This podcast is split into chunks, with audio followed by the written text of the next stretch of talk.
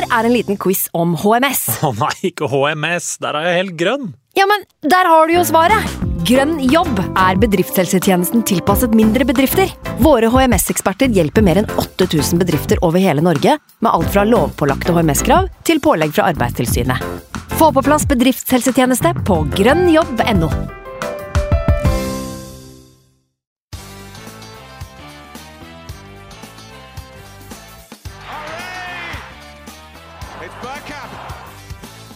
for grabs now! The next station is Arsenal. Hei og hjertelig velkommen skal du være til en splitter ny episode med Arsenal Station med Magnus Johansen og meg, Simen Goffeng. Resultatmaskinen til Miquel Arteta er definitivt oppe og går igjen, og selv om det kanskje ikke var spesielt pent, er det likevel noe utrolig vakkert ved å evne å hale i land livsviktige trepoengere på tøffe bortearenaer. Bobby Cannavaro og Gabriel the Giant tok ansvar med hodet på en dag da våre små lekkerbiskner hadde tyngre arbeidsforhold. Og en ekte arbeidsseier mot Westham passer nok på arbeidernes dag. Eh, Magnus, det gjør at vi kan starte en ny uke med store glis og deilig seiersbakrus. Ja, det er, eh, det er så mange deilige aspekter ved den seieren her at eh, jeg sitter her nå og skyter Chris Sutton sin eh, salte tårer rett inn i årene. Han var rask. Det var to minutter etter, eh, etter avslutningen, det, så var han på Twitter. Mm. Hva var det han skrev? Du kan få informere de uinnvidde. Han skrev vel noe i, i linjene av at eh, Arsenal celebrating like they, like they won the league. Dairy me. Uh, litt sånn som Agonlahor, Neves, Ja, ja, ja. Neville osv. det er bare Så å holdt på. føye seg til rekka der. Det der narrativet rundt Arsenal om at vi er, har uh, bløt undermage og ikke tåler eh, noe som helst og får luta rygg bare vi ser en, en fyr over 1,80. Det stemmer ikke lenger, og det takler ikke de her eh, ekspertene. Og det er så jævlig deilig. Nyt det, folkens. Ikke irriter dere, bare nyt det. Ja, det er viktig. Og det, er, det har vi snakka om mange ganger. Det er bare å le av det. For det, dette her eh, det er bare tegn på at vi er tilbake. Altså, Arsenal er skikkelig tilbake. Og, og kanskje en litt ny form og fasong, da, kontra hva vi dessverre kanskje har blitt kjent for opp gjennom eh, en del sesonger hvor nettopp disse ugly wins ikke var så ofte eh, for vår del. Altså, vi vant enten på en vakker måte, eller så tapte vi eh, unødvendig. Men denne sesongen her så føler jeg at det kanskje er noe av det som virkelig har definert oss. da, Det at vi tar disse stygge ettmålseierne. Vi telte opp her nå før vi gikk på. Av 20 seire denne sesongen her, så har vi jo ni ettmålseiere. Jeg vet ikke hvordan de tallene står seg mot uh, andre i ligaen, men, uh, men det er jo et eller annet med at man begynner å bli ganske, om ikke trygg og komfortabel, så i hvert fall uh, begynner å få en viss tillit da, til at den gjengen her klarer å dra i land nettopp disse arbeidsseierne. Så, så helt, helt nydelig. Det er konge. Um, vi har jo litt av hvert på tapetet i dag òg, Simen. Så kan vi kanskje ta en liten innholdsfortegnelse før vi fyrer i gang. jeg er jo ordstyrer, jeg burde sikkert sitte på den innholdsfortegnelsen, men uh, det er vel bare så vidt. I dag er jeg dårlig forberedt, det må jeg bare innrømme. Både i form av hva jeg har å bidra med i kampanalyse og pod, eh, ja, podledelse. Så eh, hva er innholdsfortegnelsen vår? Vi skal uh, innom Arsenal Norway, selvfølgelig, og litt det som skal skje neste helg. Mm. Vi vil ikke snakke Eh, for mye om det. Det er jo veldig synd på alle som ikke skal over, tenker jeg. Ja, det, det er et poeng, det. Beklager det. Eh, eh, og så har du kampen, selvfølgelig, og, så, og litt om det som skal skje etter hvert fremover Mm. eh, for både Arsenal og lillebror, som er, er med i den kampen om fjerdeplassen. Og så har vi en, en liten X-spiller eh, til slutt. Mistenker at det er en solid X-spillerspalte. Og uten at jeg har fått eh, satt meg noe videre inn i det, så, så er det vel et ganske spennende navn eh, som vi har å bli kjent med i dag. Så jeg gleder meg. Mm. Men eh, Arsenal-Norway-samarbeidet vårt er jo et eh, naturlig sted å starte, er det ikke det? Det er eh, som alltid en veldig veldig tydelig og klar oppfordring fra oss om å melde seg inn i den supporterklubben. Eh, den supporterklubben. I vår supporterklubb. Det er vel det vi må omtale det som nå. Akkurat som de i Arsenal, så er det de supporterklubben. den supporterklubben. Mhm. Ja, nei, eh, vi har jo gjennom flere episoder her hatt eh, besøk av både leder Ronny Perez Madsen, eh, nestleder Therese Togstad. eh, Berg. Berg. Jeg er ikke så god på det der tredje etternavnet, eller andre etternavnet alltid. Jeg bare beklager. Eh, Det er jo nydelige folk, begge to. Og folk som har blitt kjent med hverandre på tvers av supportermiljøet, kan vel stort sett melde om eh, veldig hyggelige bekjentskaper. Så det er, eh, som vi ofte sier, den aller største og viktigste grunnen til å melde seg inn i supporterklubben. Det er at du får være en del av et nydelig fellesskap. Og så er det jo disse godene i tillegg, da. Eh, Utenom disse følelsesmessige godene, så har vi nå også litt mer håndfaste materielle goder, Magnus. Det er seks tettskrevne supportermagasiner med Arsenal-stoff. Eh, som er skrevet på fritida av eh, ekte ildsjeler. Som jeg anbefaler varmt. Eh, så har du 15% på fotballbutikk.no på supportereffekter. Og man ser de draktene som lines opp for neste sesong. Mm.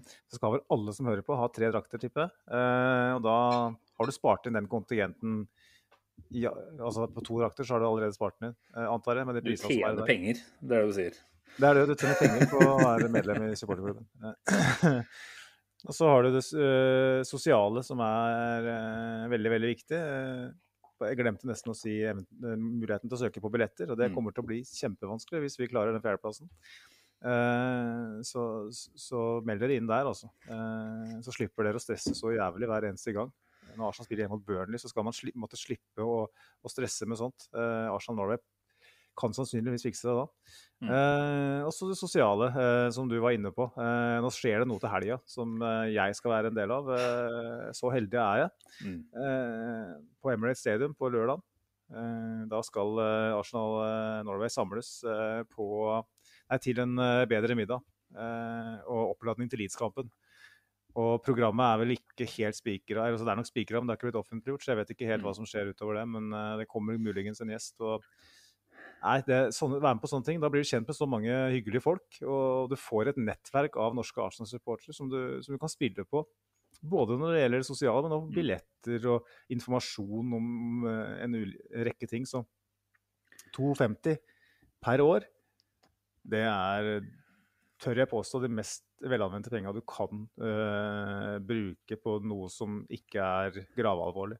Nei, det er vanskelig å si seg uenig i noe av det, annet enn at jeg ikke gleder meg like mye til, som deg da, til neste helg. Eh, Jeg unner selvfølgelig både deg og alle andre som skal over eh, en tur dit, altså, men jeg kjenner jo at det, det gjør litt vondt å ikke få være en del av den, den runden på Emirates. Nå var jo ikke jeg med på den forrige heller, der du også var, så jeg må jo bare skjerpe meg skikkelig og sørge for at det ikke gjentar seg flere ganger. Men eh, Det er vel ikke bare du, det er vel eh, eh, noen bonger som har blitt satt, hvor noen fotballklubber har sikta deg sånn, er det ikke det?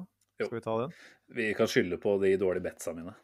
Eller altså, det skal sies, det var vel ett dårlig lag som ikke gjorde jobben sin. Men jeg, jeg er ikke for å drive og promotere betting, egentlig. Hadde vi Nei. gjort det, så hadde vi hatt uh, reklameinnslag fra diverse bettsider. Men det, det tenker jeg det, det holder vi oss for gode til. Så, så alt som heter betting, det, det finner man andre steder. OK, For jeg kaster bort pengene mine i, i fred og ro. Nei, men altså, du skal jo Jeg vet ikke om du er fornøyd eller ikke med å slippe å ha med meg over denne gangen her. Det var jo veldig trivelig sist.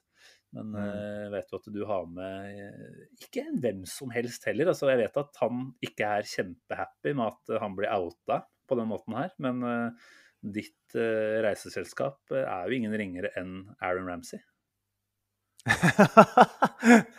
altså, det her kan jeg garantere deg at han elsker å høre. Han gjør det? Ok, jeg frykta at han kanskje syntes det var litt sånn eh, ikke, ikke gi meg mer oppmerksomhet enn jeg ønsker, liksom.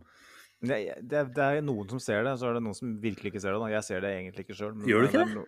Nei, jeg gjør ikke det. Men det er for sikkert fordi jeg har sett, kjent den siden type seks-sjuårsalderen. Mm. Så kanskje derfor så ser jeg det ikke. Men uh, det er mange som ser det. Og, så det blir spennende på lørdag uh, om det er noen som uh, lurer på om det er den walisiske Jesus som har troppa opp på Emirates. Det, skulle, det var lovet en god gjest, og så er det ingen ringer enn Ramsay. Ramsey. Det er ikke dårlig. Og sørg for, at han er, er kanskje ikke det man hadde håpa på. sørg for at han er riktig frisert og sånn, så det er i hvert fall åtte av ti. Altså. Det, er ikke, det er ikke mye å utsette på den likheten der. Nei, Dere får ha det hyggelig, Magnus. Jeg har ikke lyst til å snakke mer om eh, neste helg nå. Eh, Vi kan eventuelt komme litt tilbake til det på slutten av praten her. For vi heller eh, kaste oss over det som har skjedd i dag, altså søndag. Eh, Som vanlig sitter vi her en søndag kveld. Og det viser seg jo oftere og oftere å være en veldig hyggelig greie. Ikke en, eh, slitsom, et slitsomt eh, pliktløp, som det jo har vært til tider, med, med tap og, og, dårlig stemning. Nå har det vært ganske hyggelig egentlig store deler av denne sesongen her. Med noen små på mm. nedturer, selvfølgelig. Nei, i dag så skal jeg bare innrømme at jeg har ikke sett kampen. Så det tenker jeg er greit å Du har jo sett litt av kampen? Jeg har sett litt av kampen, men jeg var jo så utaktisk at jeg eh, Jeg vet ikke om jeg skal si at jeg inviterte, eh, men jeg har en kusine som kom fra nord, eh, altså fra Tromsø. Og hadde plutselig funnet at hun skulle på et lite sånn spontanbesøk ned til sør. Og da røyk jo både hun og besteforeldre inn på middagsbesøk her i ettermiddag forferdelig dumt, vet du. Men uh, alternativ var jo eventuelt måtte gjeste de, og da hadde det vært enda vanskeligere å sette kamp, tenkte jeg. Så her kunne jeg i hvert fall holde litt kontroll på tingenes tilstand. Så inviterte til klokka tre. Så for meg at det gikk an å få de ut av huset til rundt halv seks. Selvfølgelig så kom ikke de før en god time seinere. Alt ble forskjøvet. Eh, kusine som da er eh, fra Lofoten, og da har et lite øye til eh, Bodø-Glimt. Eh, Ønska selvfølgelig å ha cupfinalen på TV i bakgrunnen. Som mm. en god vert så sier jeg selvfølgelig ja til det. Eh, så da ble jeg avspist med litt VG Live og bare sånn bruddstykker da, av resten av førsteomgangen. Så alt som skjedde før det 60. minutt, har jeg egentlig lite jeg skulle ha ment så veldig kraftig om i dag. Annet enn at jeg har sett høydepunktene i etterkant, selvfølgelig. Så i dag så er det du som må til pers, Magnus. Ja. Eh, mine altfor følelsesmessige analyser, dem, eh, dem, passer kanskje bedre når man vunnet enn når man taper. så eh, jeg skal prøve så godt jeg kan, men jeg tenker at du har fått med deg en del av det som skjedde mot slutten. Og det, det er jo kanskje det mest hyggelige i dag, så mm. vi skal snakke mye om det. Mye trivelig i vente. Hvor vil du starte? Altså annet enn å kritisere meg da, for uh, dårlige evner på planlegging. Det kan, vi, det kan vi ta etter innspillingstid, men uh, vi, vi, kan jo starte med lagoppstillinga. Uh, det var jo en liten overraskelse der, rett og slett. kanskje to òg. Mm. Jeg vet ikke om, om, vi skal kalle det en overraskelse at Ben White starta, men nei, Ben White, det, gjorde han ikke. Det, var, det, var det neste poenget. Men at Tomiyasu starta etter en såpass lang mm. tid på sidelinja og bare ett lite hinne opp. Mm. I tillegg da selvfølgelig Ben White eh, med en tight hamstring, som de kalte det. Jeg vet ikke om det er stram hamstring på norsk. Eh, det er nettopp det. Men skadenyheter på norsk det er, det er, litt vanskelig. Det er en terminologi som ikke eksisterer i mitt hode. Men hva tenkte du da når du så den uh, oppstillinga? Jeg tenkte jo at med en gang jeg så Holding inne, gikk det noe vondt om han. men når vi da har Tavares Eh, inne for eh, vårt førstevalg der. Holding inne for førstevalget på, på stoppeplass. Så tenkte jeg at det var veldig trygt å se Tomiyasu i den startoppstillinga. Eh, altså Cedric har gjort en OK jobb, ikke misforstå, men, men det er klart eh, Tomiyasu til tross for at han har vært ute, selvfølgelig, da, er en jeg i utgangspunktet har veldig mye tillit til og framstår som veldig trygg. Så eneste spørsmålet der var jo i hvor stor grad han ville tåle det. Uh, vet ikke hvem var det han var opp mot i, på den venstrekanten til, til Westham mesteparten av kampen her. Var det Fredericks var vel nesten en slags swingback, var han ikke da? Jo, det er mulig det. Eh, Bowen fant seg vel stort sett uh, til rette på høyresida deres. Så, um, så, jeg tenkte ja. at uh, Tomiyasu her var uh, selvfølgelig kanskje ikke et sjansespill, for vi må ha tillit til at uh, både Arteta og apparatet rundt vet hva de holder på med der. Så, så, når man på en måte hadde fått introdusert han i, i forrige match, da, så, så var jeg ikke overraska over at han starta. Så var det selvfølgelig en overraskelse at Ben White ikke starta. Eh, det var vel snakk om at det var noe kjenning etter den United-kampen, men allikevel ikke noe man hadde hørt noe særlig om nå i forkant. Eh, I hvert fall ikke jeg. Så, så det var jo en overraskelse. Men, eh, men, det er klart Rob Holding har gjort uh, veldig mye bra. I hvert fall i de fasene i kampene hvor vi har blitt trøkka tilbake og, og måtte stange unna. Da. Så jeg så kanskje ikke for meg en sånn type kamp fra starten i dag, men allikevel uh, en, en type som man nå føler seg ganske trygg når man ser i oppstillinga, da. Mm.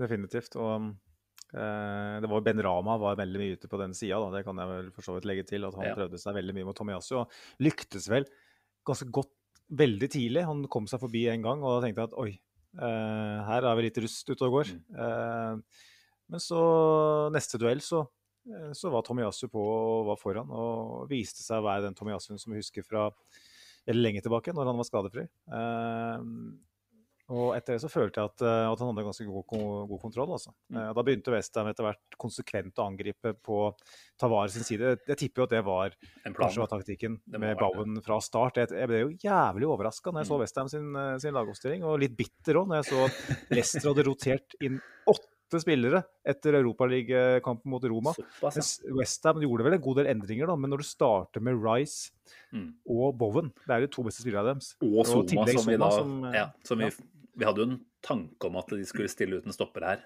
særlig når Daasen fikk dette røde kortet sist. Nå, klart, nå var Zuma tilbake i, i eh, midtuka, så det var jo ikke overraskende sånn sett. Men eh, gikk an å håpe på at eh, Moyes skulle enda tydeligere prioritere et comeback eh, mot eh, Frankfurt, er det vel de spiller mot. Mm. Så nå håper jeg de ryker på huet og ræva ut der, i hvert fall. Det Jeg håper håper vi ser de der, jeg ser at Bow, ja, Det er sykt å håpe sånn, men at en Jared Bowen eller en Declan Rice begynner å holde seg på baksida av låret etter en halvtime der.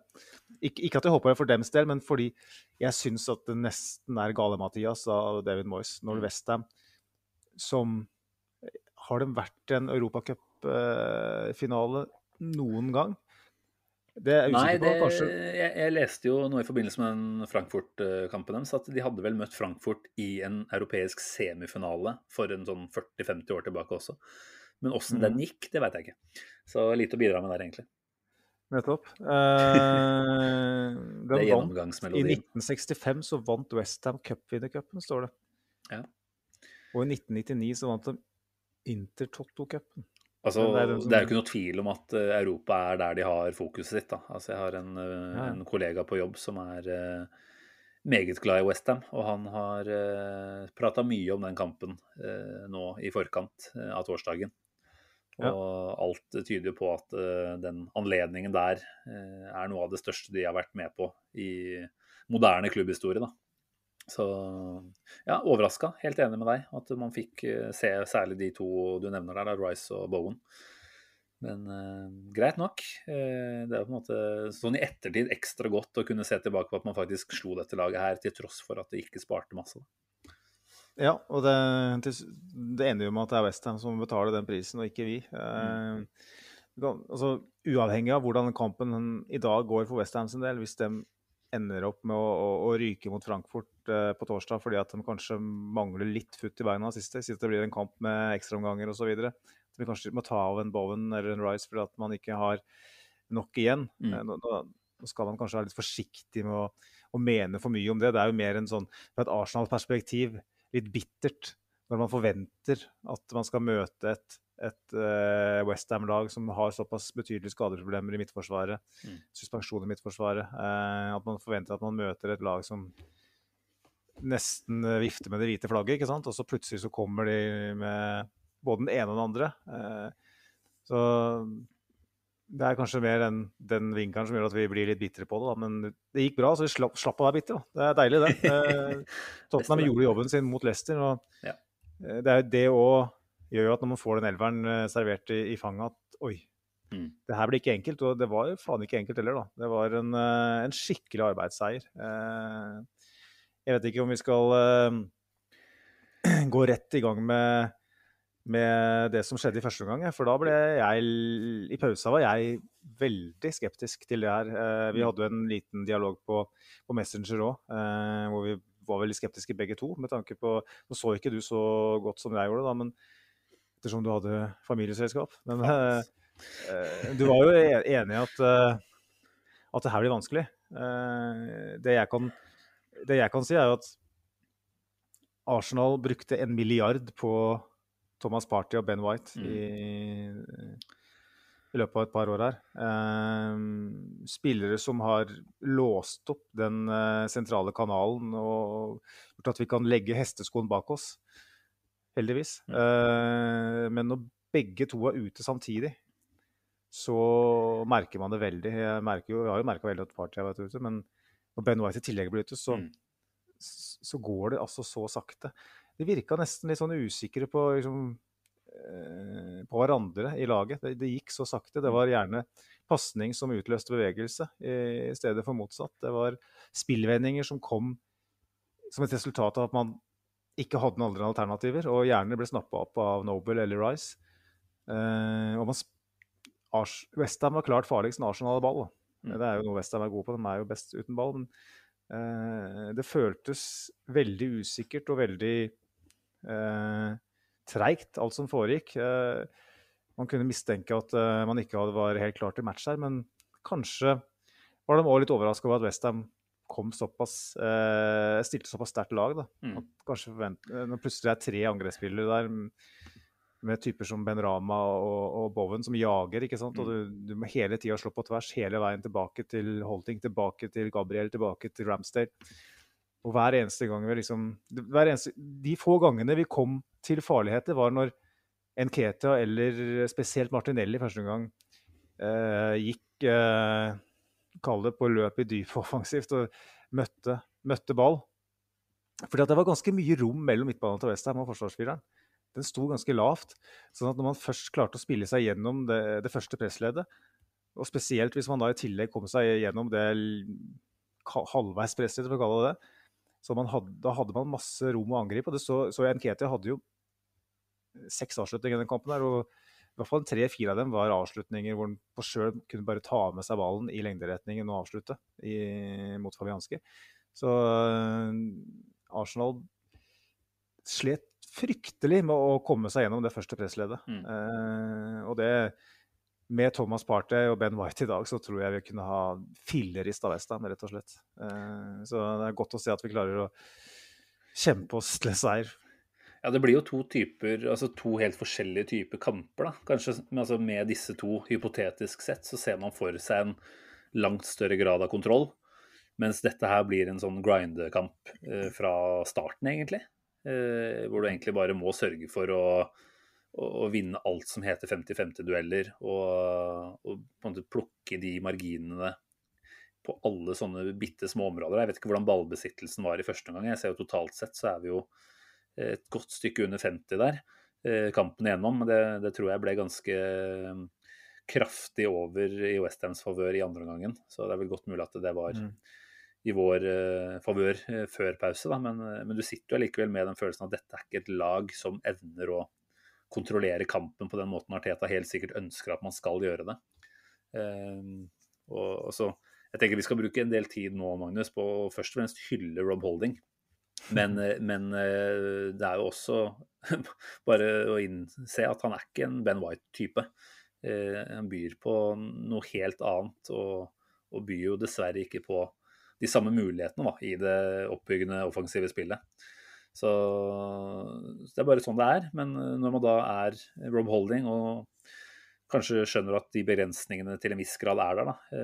Det var vel, sa du før poden, allikevel et par eksempler på at han kanskje prøver å ta Ben White-rollen til en viss grad, hvor han forsøker seg litt framover. Eller husker jeg feil?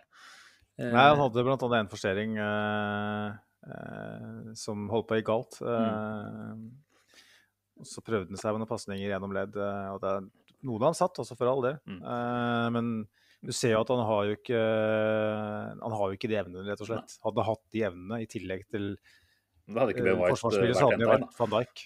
Ja. For det, det, det finnes jo kanskje bare én stopper i verden som er, som er like god på, Ja. på begge deler, sånn sett. Mm. Uh, og Rob Holding er mye bedre enn Ben White i, i boksen. Det, det må jo såpass ærlig å si. Men Og i dag så kan eh, vi jo vi skal jo helst styre en fotballkamp, og da trenger vi i de aller fleste tilfeller en Ben White mer Ja. enn Rob Holding.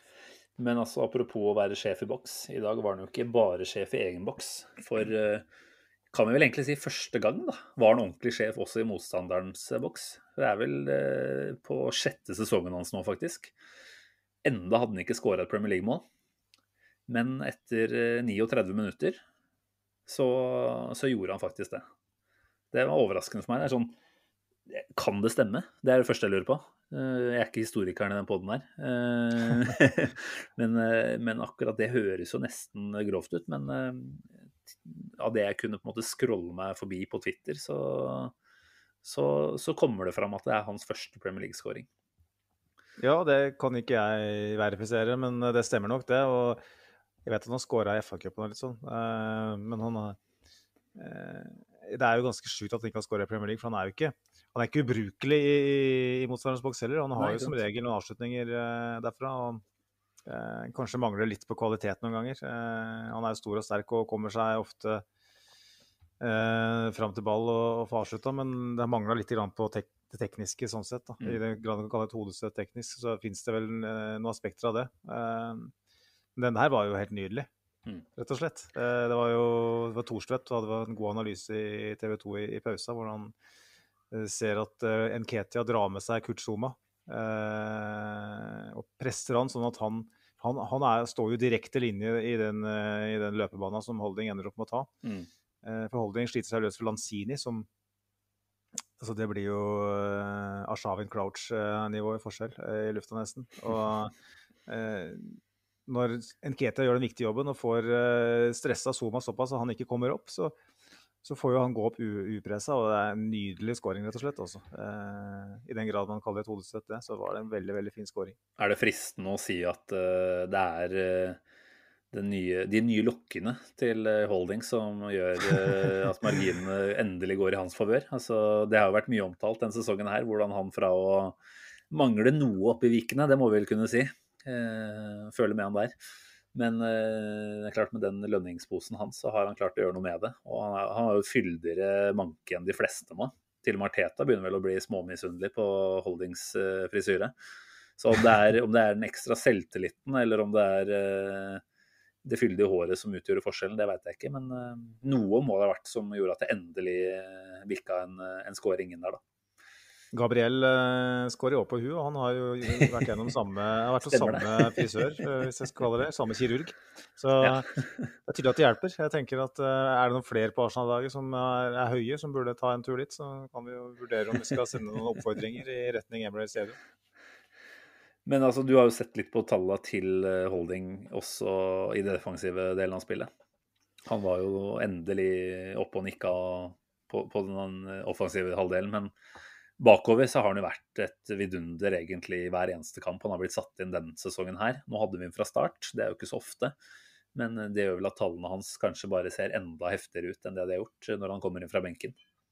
Ja, det, det booster jo tallene hans, rett og slett. Og det ble jo en kamp hvor vi hadde mindre ball enn motstander. eh, Og hvor det ble en del eh, innlegg fra kant. Og han er faktisk helt ekstrem, altså. Mm. Eh, Han vinner seks av seks hodedueller. Han er den eneste på banen som vinner alle sine hodedueller. Og ingen andre på banen vant mer enn tre. Uh, Han har 78 touch, da. det syns jeg er viktig å ta med seg. Kun Sjaka som har flere touch eh, på Arsenal i dag. Jeg tror Declan Rice vel har òg uh, mer. Ellers er det ingen på banen med flere eh, touch. Så han lever opp til Canavaro-sammenligningen der også, da, med andre ord. Ja, han er, ja, det kan du godt si. Han er sentral eh, både i lufta og langs bakken i dag. Han er både i Luftforsvaret og i Hæren. Eh, han har eh, 88 treff på pasninger. Det er ikke noe, sånn, det er ikke noe å skrive hjem om, da, men eh, med tanke på hvor mange pasninger han har, så, så er det jo respektabelt. Mm. Eh, han prøver seg litt på Ben White-pasninger, og, og, og godt å se at han, han er modig nok til det. Han har sju klareringer. Uh, igjen, det er fire mer enn noen andre på banen. Uh, soleklart flest. Og så har han to uh, interceptions, eller ballgjenvinninger, som er flest på Arsenal. Mm. Tross for at han spiller såpass dypt. Så noe mer enn det har jeg ikke, men altså, de tallene her er ekstreme. eh, altså, jeg tenker, vi, vi skal vel snakke, altså, han, er, han er det Donald Trump ønsker at muren mellom USA og Mexico skal være. Den er ugjennomtrengelig når man legger seg dypt. Når man setter opp den muren med Rob Holding, så er det, da er det slutt. Da er det over. Mm. Da er det hvite flagget. eh, Kan du bare heise det, så kan du gå hjem med luta rygg, for da er du ferdig. Når Rob Holding begynner med det der. Det, det er Vi snakka litt om det i forrige episode, Simen. Vi må kunne se forbi de første 11, kanskje første 13 spillerne nå i, i, i stallen, og tenke at det er så mange andre roller som skal fylles her.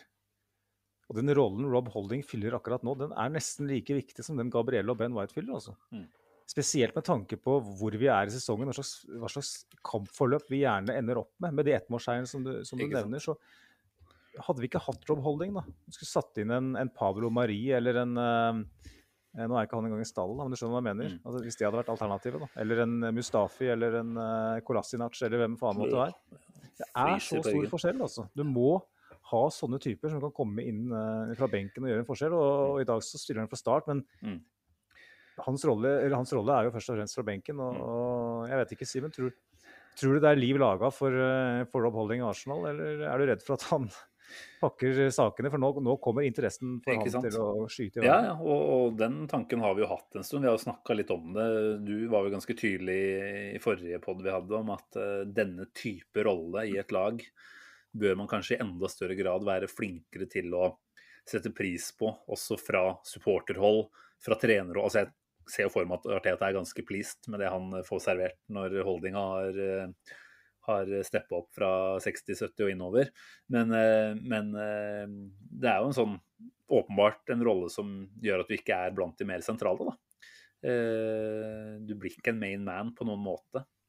Men jeg tenker at beviset på at Rob Holding kan måtte gidde å opprettholde en sånn type posisjon også framover, er måten han har gått inn i de kampene han har kommet inn fra benk denne sesongen her. da. Fordi det er lett når du kommer inn å ikke være helt på tå, ikke komme inn med riktig innstilling. Kanskje synes litt synd på deg selv, ikke sant. Eh, mm. Tenke at uh, hvorfor skal jeg ofre meg på alle måter her, når jeg uansett ikke blir satt uh, maksimalt pris på. Men han har kommet inn da, i disse kampforløpene når vi, når vi blir satt under press, uh, og virkelig vært den som står fram som den store lederen baki der. da. Eh, ja, Ugjennomtrengelig har du kalt den, og det er vel omtrent det han har vært òg. Jeg klarer liksom ikke helt å, å, å, huske at han har blitt knust i en hodeduell eller blitt uh, lurt forbi i noen av de kampene hvor vi har måttet forsvare et, uh, en enmålsledelse. Så nei, han har, han har liksom tatt den uh, type rolle med stolthet da, og virkelig omfavna det. Eh, det gjør at jeg tror at det også er noe han vil kunne gjøre neste sesong. Altså Særlig hvis vi får Champions League, for da har vi automatisk eh, mer tiltrekningskraft og en holding som vel kanskje bare i første sesong var en del av et Champions League-lag. Eh, mener at han kom i 15-16, gjorde han ikke det? Og da var vi ja. vel i Champions League fortsatt. Det var vel samme, samme sommer som Sjaka kom? Sjaka kom året etter. Da har han i så fall to sesonger i Champions League. Nei. Jo. Sjaka har spilt en sesong i Champions League. Det har han, det er riktig. Ja, nei, men eh, Holding kom vel i, i 15-16. Han debuterte sammen med Callum Chambers uh, i midtforsvaret mot Liverpool hjemme. Ja, det var 3-4 i, i, åpningen, var det ikke det? Debuterte han da? Det var jo 16-17-sesongen. Jeg trodde han var i Arsenal også i 15-16. Jeg bare innbiller meg liksom at uh, Men det kan godt hende jeg tar helt feil her nå. Så jeg skal ikke fort ut av. Jeg tror han kom i 2016. Han ja, okay. spilte i FA Cup-finalen nå i 2017, ja. uh, jeg tror første sesongen hans. Skal vi se hva som står her. Han kom i 2016, ja. Legger meg flat. Historikeren i poden er best fortsatt. Med Google, vil jeg merke. jo, men du, du, var på ballen der, altså. Men, men greit, uansett, da. Det understreker kanskje bare i enda større grad at hvis vi skulle nå klarer å komme oss til CL, så, så ønsker han å være med på det også. Eh, på mange måter kan du selvfølgelig si at han er i sin beste alder, og, og at eh, aksjen hans kanskje står høyere i kurs enn den har gjort på, på en god stund. da. Selv om altså, paradoksalt nok så skjer det i en periode hvor han har spilt eh, ganske lite. Men eh, mm. jeg tror han har bevist mye, og, og, mer enn nok for at en del Premier League-klubber ganske sikkert vil være interesserte. Så hvis du spiller Rob Holding-type fotball, da, eh, så skal vi ikke sitte her og, og melde altfor klart og tydelig hvem som kommer til å gjøre det neste sesong. Eh, så, så er nok Holding absolutt en man kunne prøve seg på. Men nei, jeg føler liksom at den, den, måten han har tatt utfordringen med å være supersub, da, det er jo egentlig det han har blitt, en defensiv supersub, gjør at han det, det, virker som han virkelig eh, har tatt den eh, på en god måte. Og da tror jeg han kommer til å kunne fortsette med det også. To år, tre år igjen på kontrakten, er ikke det? To eller tre. Eh, så også der vil man jo måtte gjøre et, eh, en utregning da, på hva som lønner seg, selvfølgelig. The Solskjær of Defenders. ja. Er, eh, han kommer, så vi kommer til Champions League-finalen, og han fortsatt er her, så kommer han til å komme inn der og klarere en eller annen, eh, en eller annen eh, greie på strek eller noe sånt. Du sier at hadde vi hatt Rob Holding i Paris 2006, så hadde vi vunnet kampen. Ja, det skal vi ikke se bort ifra. Eh, det hadde stått på førstestolpen der. Jeg har ikke lyst til, å- lyst til å snakke om det. Nei, vi det at, vekk. eh, Nei, beklager. Det er vondt. Nå er det en ny Champions League-finale i Paris, og eh, Vonde minner. vi er ikke der, dessverre. Så vi får fokusere på, på å få både oss sjøl og, og Harry Holdini, eller Bobby Holdini, eller eh, hva faen skal kalle den, eh, tilbake til topp eh, topp fire og Champions League. Også. Så, Nei, han får, han får en klar BB av oss i dag, gjør han ikke det? Å ja, å ja. Han får faktisk BB hos uh, Husgård òg, som er veldig sånn stats-basert. Mm. Det er målet som er gjør det. veldig ofte, veldig ofte så, så er det feil, kan du si. Eh, altså, det skulle ha vært en annen enn den som blir utnevnt. Mm. Eh, for at det blir veldig sånn tallbasert. Eh, men eh, Rob Holding han får eh, 8,5 i dag. Wow. Det er ganske sjukt. Nestemann på lista 7,8, og det er vel uh, Bukayo Saka. Eh, og Nketia får også 7,8. Så man kan jo si hva man vil om det. Men i dag så, så kan tallnarrativet vårt eh, underbygges, syns jeg. Ja. Men da da syns jeg Holding har fått sin berettigede hyllest der, så kan vi jo bevege oss videre. Eh, Det ble jo en eh, utligning dessverre rett før pause. Jeg tipper de fleste satt der og følte på at her, eh, her er det bare å komme seg inn i garderoben og nullstille seg og sørge for at man tåler det som også vil dukke opp i andre. Men den gikk dessverre ikke vår vei. Det var vel uh, ut ifra det jeg så på høydepunktene, ikke nødvendigvis noe man skal fordele altfor mye skyld til våre forsvarsspillere på, men jo Nuno Tavares får jo da uh, litt uh, påpekninger fra forsvarskollegaene i ettertid om at han ikke er tett nok oppi Er det Kofal som uh, slår inn der, vel? Til Bowen, som da får tid til å både ta imot og avfyre på halv volley, gå via Gabriel. Eh, Mhm. Og da er jo marginene dessverre ikke på vår side der. Men uh, Tavares er jo en vi selvfølgelig var litt uh, spent på. har egentlig vært det i hver eneste kamp. Både om han skal spille og hvordan han kommer til å spille. Uh, Syns du han fortjent noe blame på den, eller? Ja, altså det er jo riktig det du sier for så vidt der, da. Men uh, så syns jeg òg Gabriel er litt passiv der, rett og slett. Uh, som du Mm. sier, hold, eh, Bowen får tid til å gjøre litt for mye der eh, før han får avslutta. Eh, han havner litt i ingenmannsland. Han uh, verken eh, gjør seg verken stor foran målet eller kommer tett nok opp i, opp i mannen. Så mm, jeg syns ikke, jeg synes ikke Tavares nødvendigvis var hovedgjerningsmannen eh, i, det, i det tilfellet der. Eh, fikk jo Vi har fått en del eh, lytterinnspill i dag eh, også. Eh, Takk for det. Takk for det, ja. Eh, når vi først snakker om, eh, om Tavares, og Tor Arne Vassåsen på Facebook eh, han eh, skriver nervøs hver gang Tavares får ballen. Eh, til neste sesong trenger vi en ny backup for tidlig. Eller kan Arteta og teamet jobbe med Tavares til å bli god nok? Eh, vet ikke om du så noe i dag som gjør at du er litt mer beroliget etter den som jeg? Jeg så vel strengt tatt ikke nok. eh, Men det var jo i den halvtimen jeg fulgte godt med, da vil jeg si, så var det jo ikke disse sinnssyke initiativene framover som man hadde flere av mot United, og egentlig hatt ja, i hvert fall et par av i hver eneste kamp omtrent han har spilt. Mm. og jeg tenker at han har så mye råmateriale ved seg. Eh, så er han læringsvillig og tar han til seg tilbakemeldinger på en helt grei måte, da, så tror jeg det skal holde til at han kan i hvert fall være en OK backup. Så er jo spørsmålet litt større på denne venstreback-posisjonen. da. Hva er det han i så fall kommer til å bli? Er det så Med Tini sin skadehistorikk så, så er vi jo fort i en posisjon hvor Tavares kommer til å starte flere kamper enn det vi ønsker at en backup skal gjøre. Og da er jo spørsmålet om jeg er klar for det. Eh, Den diskusjonen har vi allerede hatt på den tidligere, og kommer sikkert til å ta den i forbindelse med overgangsvinduet i sommer og sånt. Eh, Så det kan vi komme mer tilbake til. Men ja, jeg tror Tavares i utgangspunktet har eh, jævlig mye mer å gå på. Et kjempepotensial. Han har så mye eh, grunnleggende ferdigheter, både fysisk og teknisk. Så for, hvis han måtte nå spisser øra og er våken når Arteta jobber én til én med han, så, så, tror jeg han kommer til å, å, knekke mange koder også i det defensive. Da. Jeg tenker at han, han, er en spillertype som vil veldig mye, og kanskje til tider litt for mye. Men hvis han klarer å plukke riktig valg i ulike situasjoner i enda litt større grad, så, så kan han være en kjempe, kjempespiller. Og jeg syns jo han klarer seg ganske greit eh, i det defensive i den halvtimen jeg fulgte godt med i dag. da. Hvor vi da ja. leder og blir satt under et ganske OK press eh, til tider. Så jeg føler at både det han viste tidlig i sesongen, eh, og så fikk han kanskje denne forventede duppen midtveis, eh, men det han forhåpentligvis nå har å by på i siste uken av sesongen, er ganske oppløftende. Så, så for meg så er jo egentlig mer spørsmålet er Tini førstevalget eh, enn om Tavares er andrevalget. Ja, det er jo klokkeklart enig. Så, og den som du nevner, det, hvis dere har lyst til å høre mer om det, så er det bare å gå tilbake noen episoder, så har vi snakka mye om det. Men eh, jeg ser jo så, samme spørsmål til deg òg, sorry.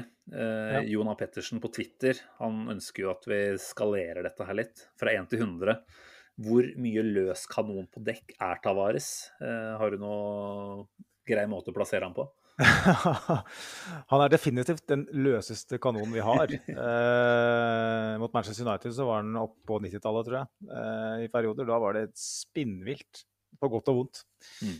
Mens i dag så syns jeg at han eh, holder seg stort sett eh, under 50, altså. Eh, kanskje på en, rundt 50-60 noen situasjoner. Eh, men eh, jeg syns han spiller seg tryggere og tryggere gjennom kampen i dag. Altså. Mm.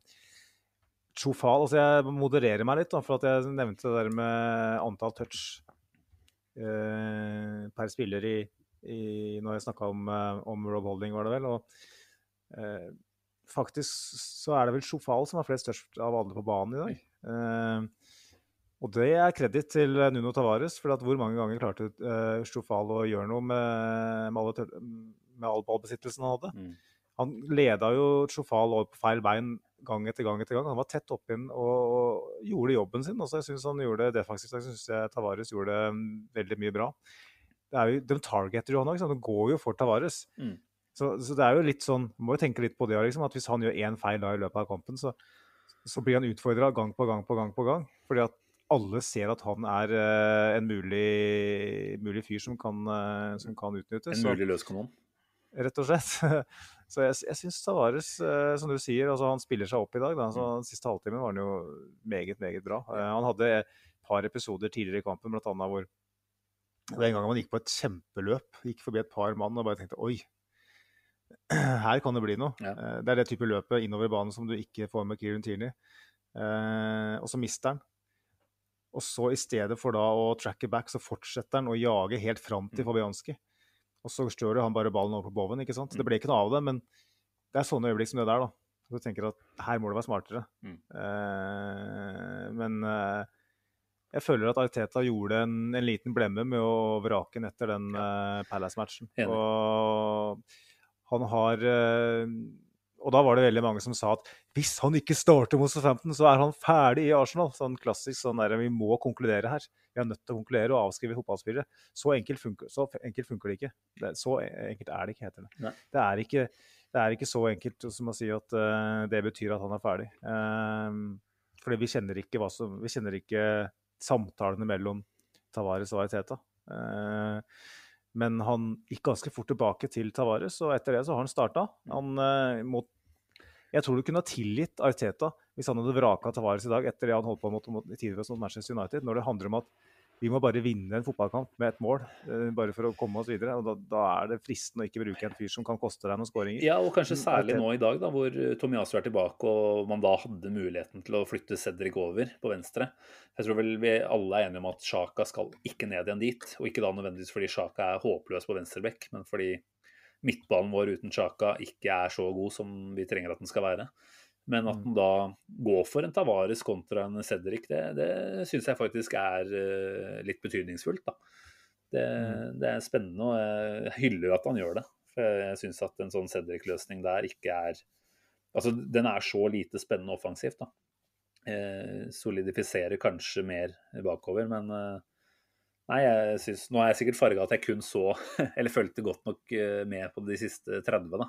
Men i, i det jeg så der, så var det absolutt uh, mye å, å uh, ha god tro på framover, i hva man så for han der, altså. Mm. Ja, Nå var vi vel akkurat innom Chaka her også, Magnus, selv om vi har hylla Rob Holding i det tykke og det brede. Men, uh, men Granit, da? Fikk månedens spiller her og har egentlig vært blant våre mest eh, solide spillere nå over eh, mange måneder. Både denne kampen, men kanskje vel så mye de siste månedene. Hva, hva har du å si om den sveitsiske kapteinen Nei, ikke kapteinen. Holdt jeg på å snakke meg veldig her. Ekskapteinen. Han har vel sagt at han godt kunne tenke seg å ta pinnen igjen hvis han får tilbudet, så det var jo ikke helt uh, utafor. Han har det. Men, uh, han nevnte vel et intervju nå. Uh, han har jo sagt ganske mye nå. Uh, Arsenal mjølker litt grann den mm. remontandaen vi ser fra, fra Sjaka, og det tror jeg vi kan Jeg syns det er vakkert, det. Ja. Altså Med alt det han har hatt nå imot, det må vi jo bare innrømme. At eh, fansen også har jo bydd på utfordringer for hans del der. Selv om han selvfølgelig har redd sin egen seng og kan takke seg selv på mange måter, så, så er det jo noe med at uh, fansen har jo hatt han som en hakkekyllingtype. Og han skal ikke gjøre mye feil før han får, uh, uh, at, før han får supporterne mot seg. Men han har jo holdt huet kaldt da, og vært en pålitelig fyr nå over, over, lang tid. Og så kan man sikkert diskutere om er det kanskje fordi han til og med har fått slippe å ha kapteinspinnet, og det type ansvar og ekstra stress som det medfører. Han takla jo ikke det spesielt godt i den korte perioden han bar kapteinspinnet. Så det er vel kanskje fristende å la han slippe det, og heller tenke at en mer langvarig løsning, forhåpentligvis, som Ødegård er det man eh, går ved. Det, det finner vi jo mer ut av eh, i løpet av sommeren, tenker jeg. Men Sjaka, eh, kom med noen rosenord.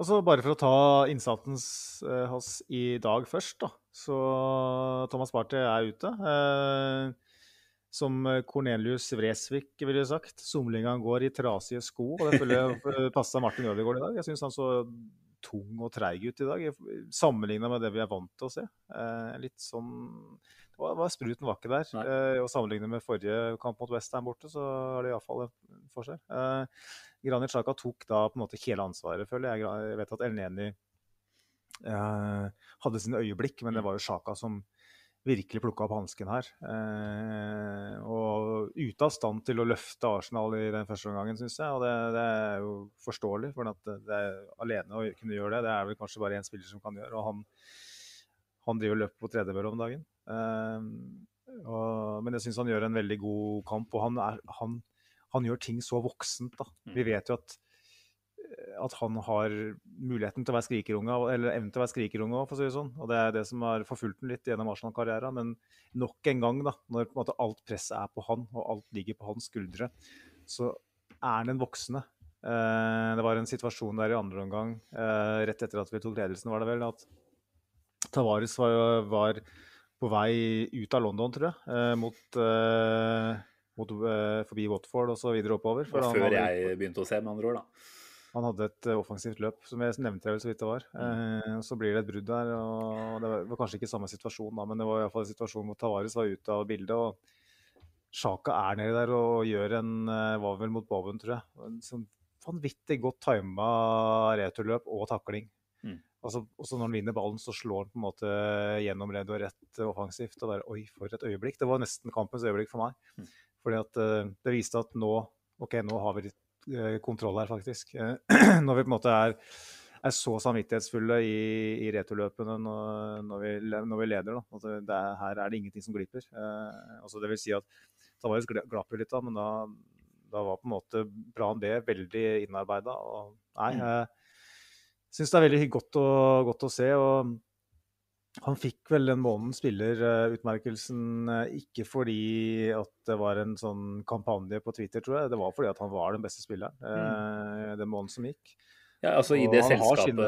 i det, selskapet, der så føltes det ganske naturlig. Altså jeg var inne og stemte naturlig nok fra mine to faste plattformer.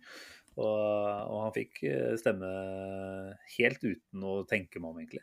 Det var, det var helt åpenbart. Det har vært, vært så solid det han har holdt på med nå over en lengre periode. Og det er klart at den goalen mot United den var sikkert noe av det som gjorde at uh, det dro ekstra mange over i hans uh, gate, men uh, jeg vet ikke om det kanskje kan altså Det er vel ikke første gangen han får uh, månedens spiller i Arsenal, men første gang på veldig lenge, da. Og første gang på Sannsynligvis etter at han har vært igjennom alt som har vært vanskelig med fansen. Så jeg tror dette betydde mye for han. Jeg har ikke sett det intervjuet med han i etterkant. Men jeg, jeg mistenker jo at han, han er opp mot rørt over å få den anerkjennelsen. Det er noe Jeg vet ikke, det var noe med øya hans. Uh, han ble jo intervjua av Arsenal. Nå så jeg bare bruddstykker av det. Beklager, nå må jeg bare kremte noe sinnssykt inn i mikrofonen her, så skal jeg sette på mute. Der, ja. Vi klipper ikke ut noen ting vi i den poden her, Magnus. Så nei, det, blir med. Det, det kan bare kremte i vei, altså. Ja, da, hvis jeg skulle tatt med alle kremtene mine, så kunne det blitt slitsomt å høre på. Uh, men uh, jeg har en digresjon rundt det, faktisk, som jeg ikke skal, jeg ikke skal ta. Vi bruker ikke tid på det. Vi, vi er så treige, så vi må faktisk kjappe oss litt videre her. Jeg kan sende i DM til de som lurer på det. det er for spesielt interessert. Jeg husker ikke hva jeg snakka med. Nei, ikke sant? Jævla harkinga di. Ødelegger alltid. Nei, for det, det intervjuet mener jeg, med Granit Xhaka, eh, som både Arsenal hadde foretatt, men òg en annen publikasjon, jeg husker ikke hvem, men det lå i hvert fall noen videoer ute på Twitter. Og han hadde altså så eh, blanke og tunge øyer. Det så ut som han eh, nettopp hadde stått opp. Det så ut som han så på treningsanlegget. Og ut ifra måten han eh, fremstår om dagen, så kan det hende at han gjør det òg, for han er så dedikert. Eh, enten så har han vært ute eh, på galeien i, i London og eh, kanskje gjort noe som ikke er så bra. For han hadde en sveis òg som eh, tyda på visse aktiviteter. Men eh, nei, han Han, han framsto ellevilt takknemlig. Altså.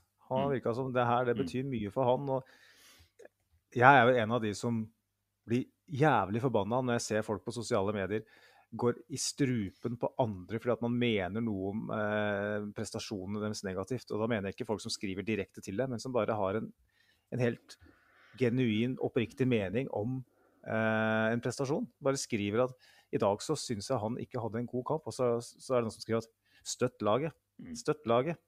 Eh, som om som det en slags eh, Det ikke er en menneskerett å, å ytre seg om, om negative eller dårlige prestasjoner, da.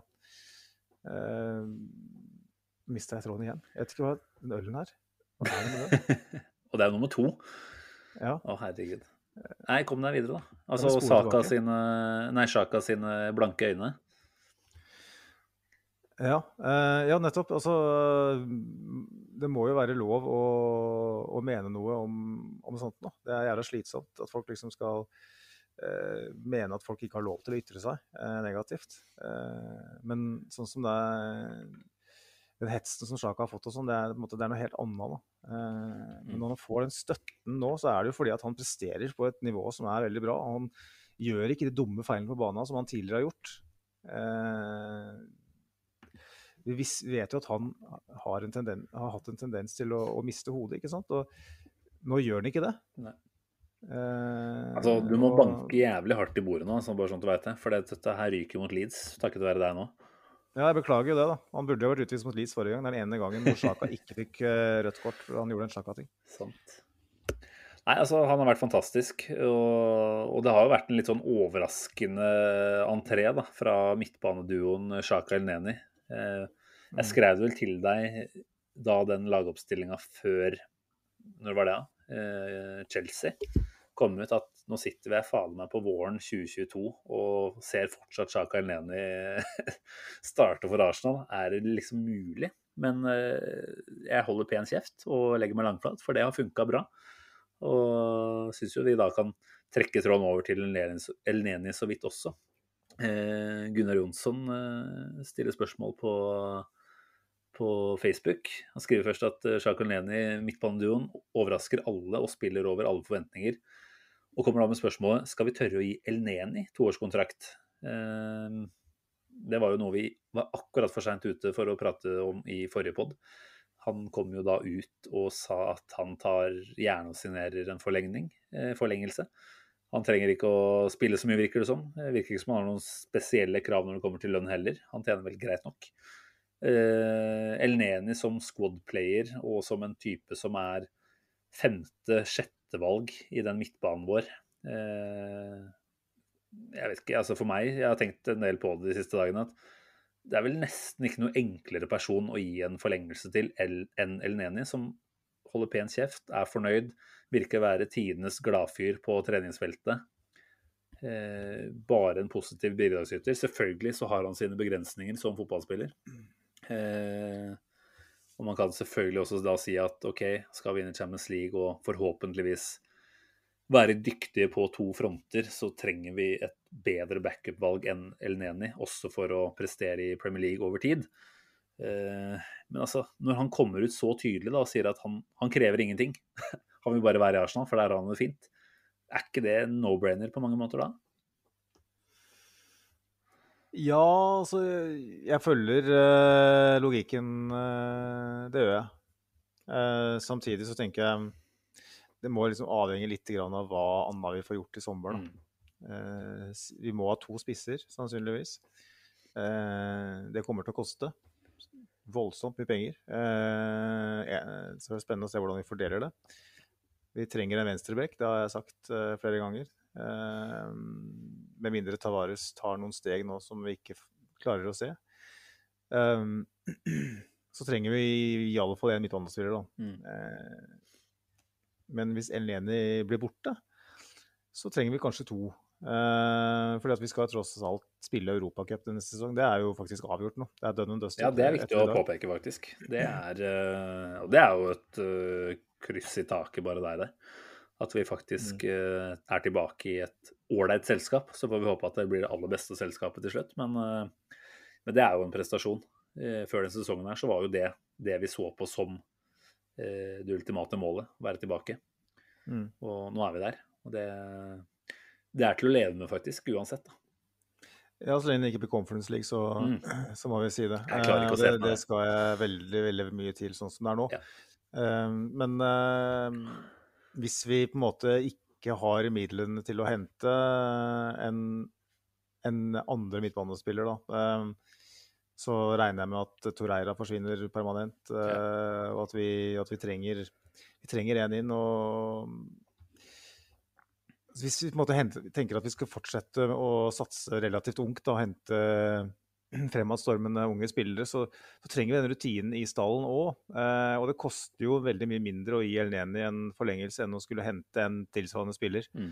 eh, med en overgangssum og i, i, en kontrakt. Og El, El sine uttalelser tyder jo på at han er villig til å akseptere korttidskontrakter med Arsenal. Da, så får vi mm. se om det stemmer. Eh, jeg skal ikke stole altfor mye på sånt, men uh, i den grad man kan stole på det, så, så, tenker jeg at det er jo en billig og OK løsning. Da, for da tenker man at hvis Elneni er villig til å være en sånn type som spiller ti kamper i sesongen, da, mm. eh, hvorav mange av dem er et eh, ubetydelige uh, ligacup, FA-cup eh, og sånn, så er kjempe-OK alternativ, da. Men det forutsetter for min del helt klart at vi får inn en som er Eh, går inn foran som gjør at han ikke er den vi faller tilbake til på en sånn fase neste sesong. For det, det syns jeg på en måte blir feil, selv om ja. han har gjort en hederlig og god innsats. Jeg, jeg tror jo at en Lokonga neste sesong vil i større grad være en go to-spiller enn det han har vært nå, helt på tampen. Altså, og, det, og, jeg støtter Sånn som, så, som eh, ting har vist seg å utspille seg nå, da, så, så støtter jeg jo definitivt måten å, å vurdere på fra Artetas side, når man får de solide prestasjonene til Elneni, der hvor man kanskje ville fått mindre trygghet inn i laget med en Lokonga som etter alle solmerker har et mye høyere tak, men som per i dag ikke er den man skal benytte seg av for å grinde disse resultatene. Jeg, jeg, tror at mm. Lokonga i løpet av neste sesong har tatt nye steg og sannsynligvis vil være en eh, ja, et tredje, kanskje fjerde valg. Eh, jeg, jeg er veldig spent på hva som skjer der. Jeg kan jo ikke tenke meg at man ikke vil uh, gjøre mye for å signere en ny første førsteelver midtbanespiller. Men nei, det, det, er mange ting å, å, ta tak i når det kommer til den midtbanesituasjonen der. Også hva Sjaka tenker eh, ved å ikke være en main man, da. for jeg tror han er en type som vokser på å være eh, i sentrum. Og Mm. på en måte avspist med tredjevalg. Eh, det, det, det er litt usikker om han kommer til å akseptere sånn uten videre. Så det er mange ting å ta tak i der. Men eh, Elneni isolert sett, hvis han skal ha omtrent samme lønna som nå, eh, en 1 pluss 1 maks toårskontrakt, det, det syns jeg virker nesten som en no-brainer. Ja. Jeg, jeg, vet ikke. Jeg, jeg tenker han er for ung til å være der at han allerede nå begynner å tenke i trenerbaner. Men det er en eller annen ting som sier meg at han er typen som kunne ha blitt tatt litt under Arteta sine vinger, da, og nesten vært med på en sånn assistenttrenerrolle etter hvert. Jeg tror ikke vi er der helt ennå, men, uh, men han bare virker som en, uh, en fyr som, som ja, passer godt inn uh, også på den måten der. Så jeg er veldig spent på, på hva vi ender opp med der. Ramadan Ruud Gullit var det noen som kalte den på Twitter. Så det synes jeg var fint. Ja, det skal du også ta med. at han har jo Og det er vel på sin plass å ønske gratulerer med endt Ramadan og id Mubarak nå Det er vel i morgen, er det ikke det? Så, så det syns jeg jo også Eleni skal få ekstra kudos for. Å prestere såpass godt som han har gjort nå, med lite mat og drikke innabords. Det... Endte ikke Ramadan uh, mens han var på Stamford Bridge, eller var det på Nei, nei. Emirates? Nei, nei. Så han, var det ikke det? Nei, altså det, Eller- det ender jo hver dag når Det ender jo på Stamford Bridge når sola går ned. Det gjør det. Sånn var det. Ja. sånn var det. Men, jeg, eh, jeg kan ikke nok om det her. selve- men eh, selve da var han jo tok seg litt næring underveis. Ja. Når han endelig fikk altså, det. Jeg tenkte, det er jo helt utrolig med, Mm. med mitt utgangspunkt og ditt utgangspunkt, som ikke er religiøs. Uh, Hadde ikke hatt sjans. Nei. eh, som- Det er jo sikkert noen som mener at, eh, at det er galskap når man eh, er i den situasjonen. Men uh, han viser jo virkelig at, uh, at det er mulig. Mm. Ja, det er utrolig imponerende. Ja. ja. Nå har vi snakka om eh, både Holding og Shaka Elneni, så er det på sin plass å bare nevne kjapt eh, siste del av sentralrekka. Altså Tenk det, ja. Vi snakker om Holding, Shaka Elneni og Edenkete. Det er sentralrekka vår i dag. det er jo helt vilt. men, men, eh, men jeg synes, du var jo litt innom Nketia tidligere og, og nevnte antall skudd. og Kan selvfølgelig diskutere opp og ned i mente om, om evnen hans til å, til å ta de riktige skudda og, og være farlig nok. Eh, Men jeg syns jo at eh, han, i hvert fall i den, eh, det jeg kunne se av høydepunkter, virker å gjøre en OK sånn oppspillsjobb, som vi jo har blitt kjent med fra Lacassette. I tillegg til at han da naturlig nok også avslutter en del.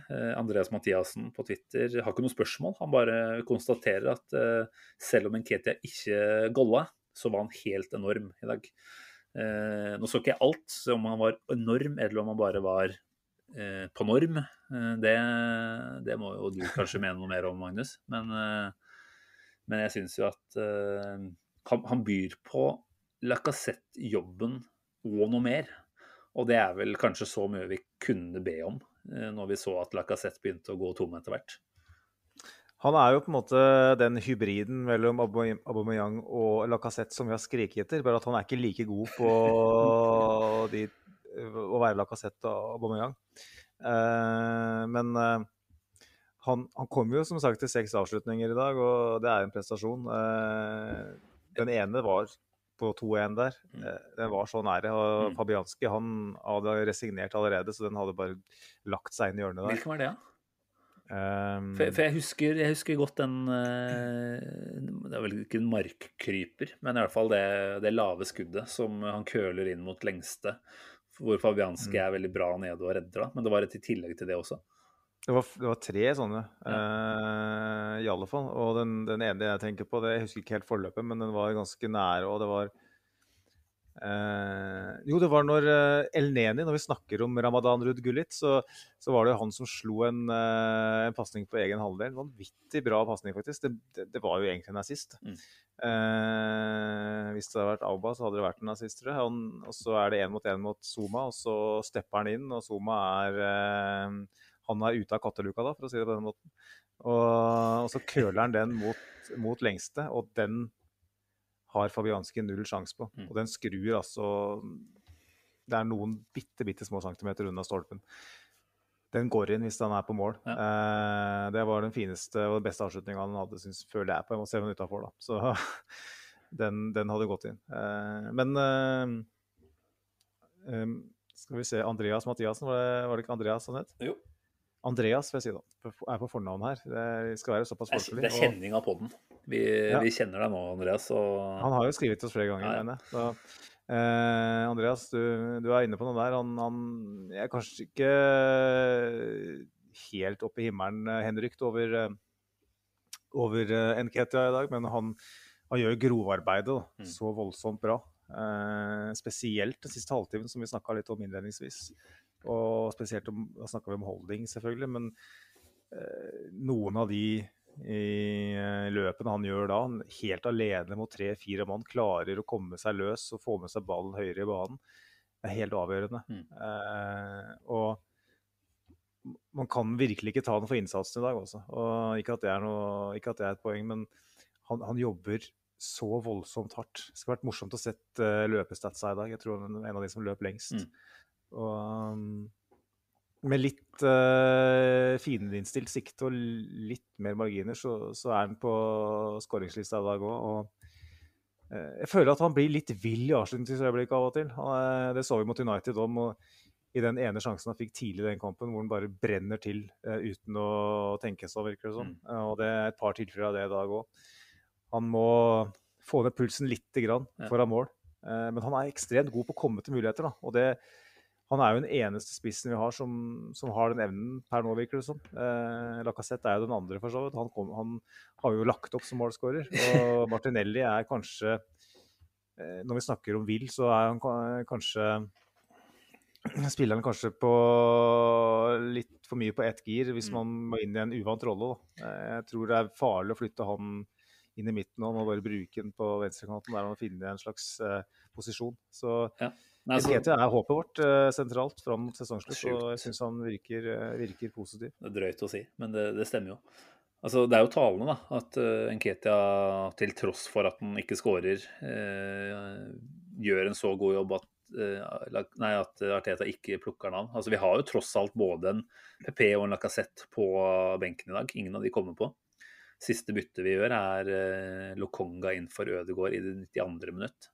Så vi hadde mm. jo Eh, kunne hatt, eh, gjort et spissbytte der for å få inn et eh, enda bedre pressledd fra toppen av. Men da, da er jo Arteta åpenbart fornøyd da, med den jobben Nketia gjør, også defensivt, i samfulle 90 minutter. Og det, det, tenker jeg mm. det sier noe om en kapasitet som ikke Lacassette er i nærheten av, egentlig. Og ja, vi trenger ikke å ta kontraktspraten, men jeg tenker at Nketia hadde jo definitivt kunne spilt en rolle i dette Arsenal-laget også framover. Men jeg tror ikke vi er eh, helt på bølgelengden når det kommer til å, å, å, gjøre den jobben som Arsenal ønsker at han skal gjøre neste sesong. Da. Så det er vel takk og farvel uansett, men vi får håpe at han eh, fortsetter å prestere på det nivået her de siste ukene. Da kan vi ta med oss, eh, når vi snakker om, eh, om alternativene fra benken, altså Fredrik, Fredrik Heierstad, som er en, en annen uh, jevn og yndet kommentator på, for Arsenal Station Pod. Han, han skriver uh, skuffende at vi ikke ser noe til Nicolas PP. Uh, mm. Han har jo absolutt ferdigheter, skriver han. Jeg vet ikke, Simen. Er det, er det grunn til å, å, tenke litt ekstra på PP om dagen, eller er det, er det så enkelt som at han ikke er framtida. Jeg tror det er, det er riktig. Og så er jeg helt enig i at han har ferdigheter, men de fordeler seg vel først og fremst eh, framover på banen, og ikke i så stor grad i det defensive.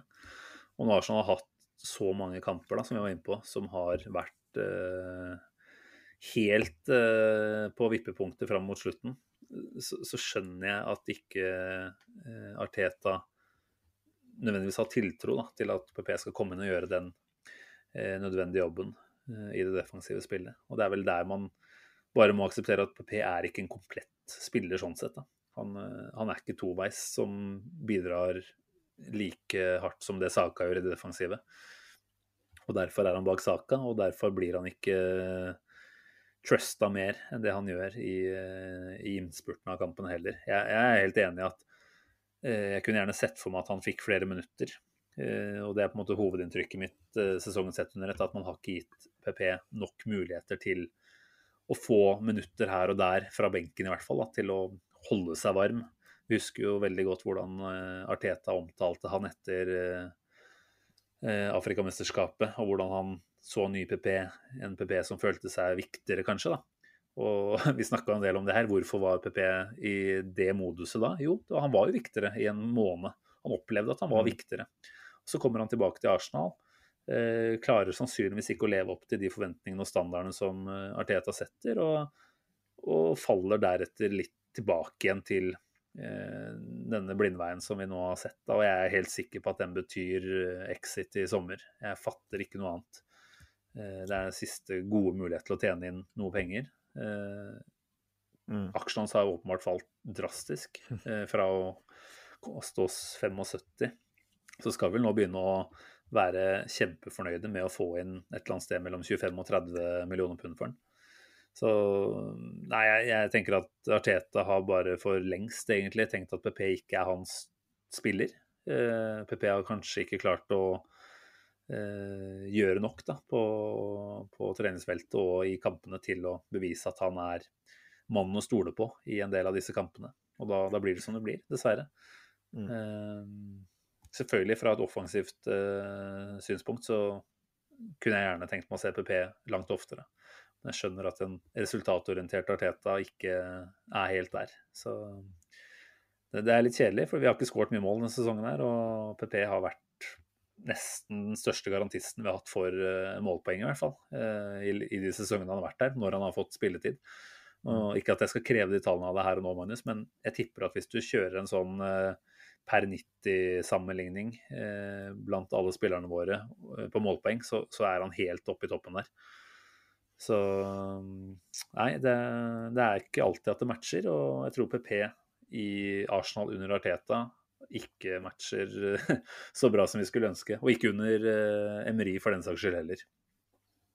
Nei, og Fredrik Jungberg hadde vel noen sitater om PP som tilsier at uh, dette er ikke en, en, spiller som er så enkel å ha med å gjøre uh, i Premier League. Da. Uh, og da er det greit å stikke fingeren i jorda, tenker jeg. Og prøve å avslutte uh, samarbeidet på en OK måte som gjør at begge parter får seg får, får, får noe tilbake for det, på et vis. Vi vil aldri få tilbake det vi betalte, men vi, hvis vi får igjen si 25-30, som du sier, millioner pund, så så tenker jeg at det er veldig greit å si takk for kaffen. Ja, altså. Mm. Eh, det er jo fristende, ikke... fristende, å tenke en slags byttehandel her med Lill igjen, da. Eh, om vi tør å gjøre dealing med dem. Eh, de får tilbake PP, og vi får Jonathan David for nesten ikke noe. Kanskje et lite mellomlegg. Men nei, vi får se. Du har vel full kontroll, har han ikke det? ja, vi får se. Vi får se. Eh, Klokka går fort, Magnus. Eh, før vi beveger oss videre. Vi har flere spørsmål som vi må gripe fatt i, og du har en X-spillerspalte som vi selvfølgelig skal innom. Eh, så syns jeg det er eh, verdt å bruke noen minutter på å snakke om det som egentlig har vært den store snakkisen den uh, uka her. Eh, Louis Dunford er jo navnet på en artist som jeg tipper de aller, aller færreste sannsynligvis ingen av våre lyttere hadde hørt om eh, før eh, for noen dager tilbake. Eh, da ramla det jo plutselig inn en rekke med Twitter-meldinger og, og, poster om at han hadde egentlig hitta ganske jackpot når det kommer til å, å røre ved våre gunner-erter. Og endelig kanskje ha knekt koden da, når det kommer til å finne et uh, Arsenal Anthem. Vi har jo prøvd noen ganger før med The Wonder of You med Elvis, og det har vel vært et par halvspede forsøk til. Men uh, denne Louis Dunford, Magnus, uh, han uh, har vel en låt nå som heter The Angel. Hvor det er seks ganske vakre linjer som har gått sin seiersgang de siste dagene. Eller om at du, du tar de på strak arm her og nå og synger av full hals? Det handler bare om sangstemme. Eh, når jeg da sier at jeg ikke skal gjøre det.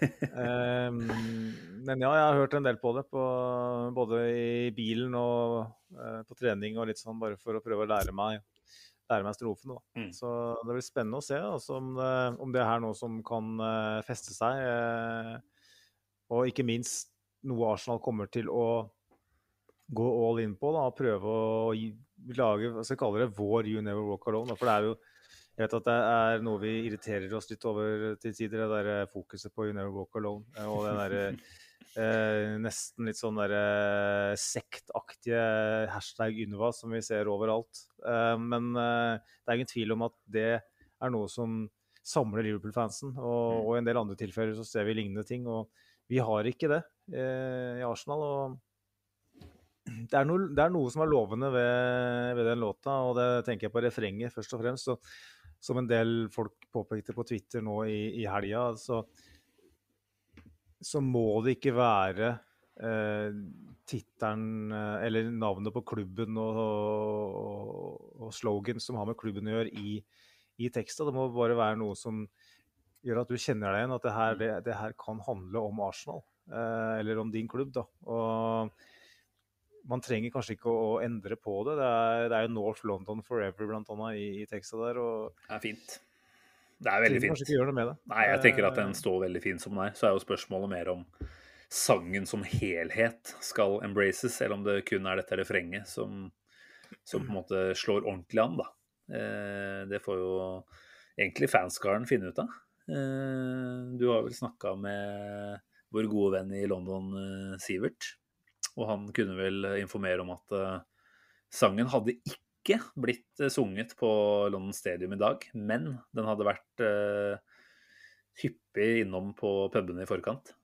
Jeg vet ikke om hyppig er ordet, det vet jeg ikke, men han skrev vel at den hadde blitt synget. Ja. Um, så vi skjønte jo det på stemningen på Twitter, at det kom til å bli gjort et forsøk. da. Mm. Men eh, Ja jeg da. føler at refrenget må, må omfavnes. Og, eh, men de, de supportersangene som blir kjent, er jo gjerne på den måten er jo gjerne sanger hvor hele sangen er nesten et refreng. Mm. Uh, Liverpool sin er jo velkjent, og Sheffield United sin òg, uh, for Ja, eksempel. den er fin, den, den er veldig, veldig fin, men det er litt samme, samme greia. Uh, og eh, det må nok eh, gjøres en innsats fra, som du vel nevnte, Simen, å time det, sånn at eh, det er refrenget som blir synget på Emirates eventuelt. Mm. Eh, For det er for mye Småtteri. sånn London-slang. Du kan tenke deg jeg og du skulle øh, sitte og synge det der her for Etter, hals. etter fem pints på puben, det skjer jo ikke. Har ikke sjans. Det er jo nesten rap, ikke sant? Det er det. det, er det. ja, men vi får se. hva Det er jo uansett veldig kult, og jeg får jo frysninger når jeg ser for meg et uh, fullstappa Emirates uh, kjøre skjerfen over huet og synge dette her. Så om jo allerede blir noe nå mot Leeds når du er over, så håper jeg du i hvert fall har eh, øvd inn de seks linjene som eh, vel blir hovedattraksjonen. Og så får vi se hva klubben eventuelt eh, gjør. Det er jo Da blir det lagt ut en video på Arsenal Station i hvert fall, hvis den kommer. Såpass, må vi love. Ja. eh, love og love for Blom, men jeg skal i hvert fall prøve å få det til. Eh, vet jo alle hvordan, eh, hvordan eh, internettdekningen på Emirates er.